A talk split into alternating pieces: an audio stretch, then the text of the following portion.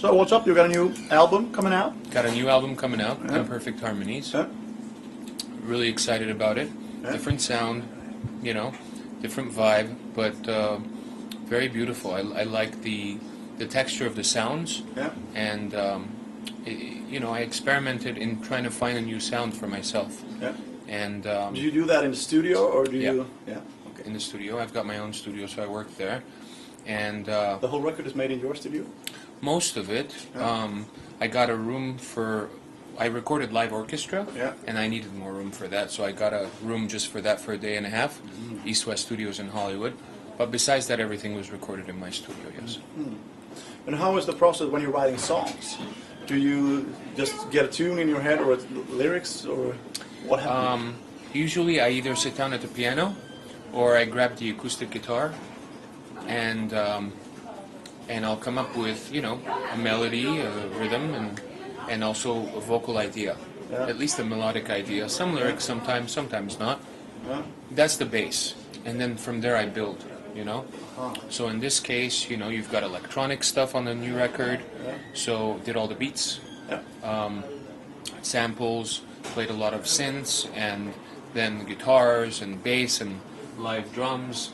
Mario, my Yeah. bass player, played bass on it. Live bass Troy from the FCC played drums, um, and then I did the orchestral arrangements for, for each of the songs. So, and then brought in live orchestra to record the orchestral arrangements, mix that in, and then go Lots back and go yeah, and then go back and go. What's missing? What's too much? Take this out.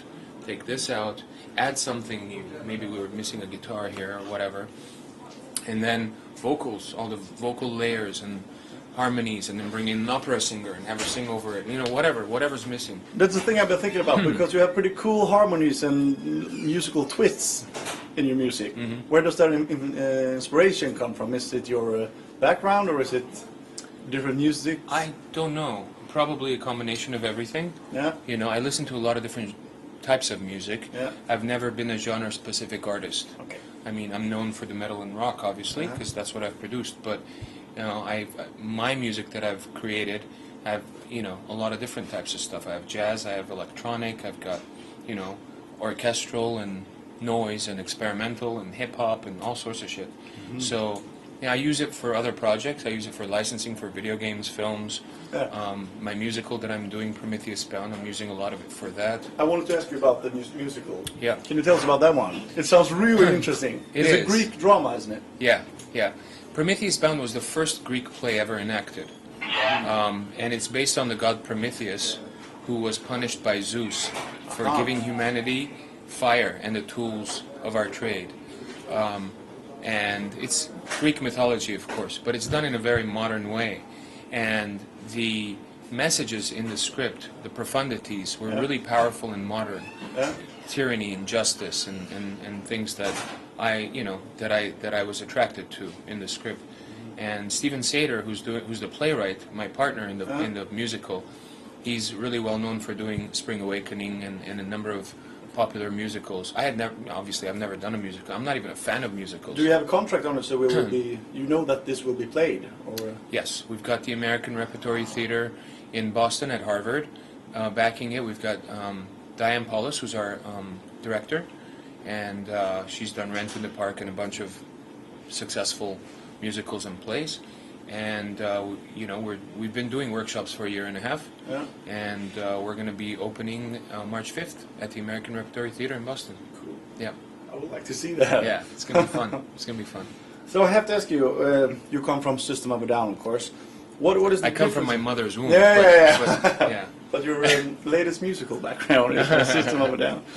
When you write music for uh, Sir Tanky and your own solo music or System of a Down, is is there differences in your uh, creational mind, or um, are you more free in in your own projects?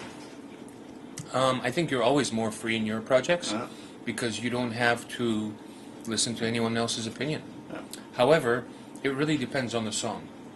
If you have a strong vision for a song and you know exactly what you want out of it, you know exactly what to do to it, then do it yourself because then anything else is going to get in the way. Yeah. But if you have a song that you think is a great chorus, but the verse could be better and you want someone else to work on it with you, You know, you want to bring someone else's vibe Yeah. into it.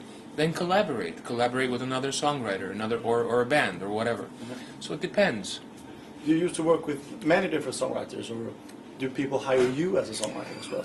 For my own record, I'm, I'm primarily the only songwriter, so I write all my own stuff. Cool. And I've been, I have collaborated with other songwriters. Mm-hmm. for their own projects mostly.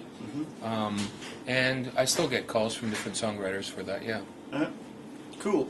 And speaking of um, different songwriters and producers of the things, you have been working a lot with Rick Rubin. With System, yes. Yeah. How is that? It's great. Because he's kind of a, he's in all different types of music. Is he? Um, I'm Yeah, kind of he- interested in Rick Rubin. He's a little bit of an enigma, I think. so it would Yeah. be nice to. Rick's a really sweet opinion. guy. Yeah. Very sweet guy, and, and he has a very unique take on production.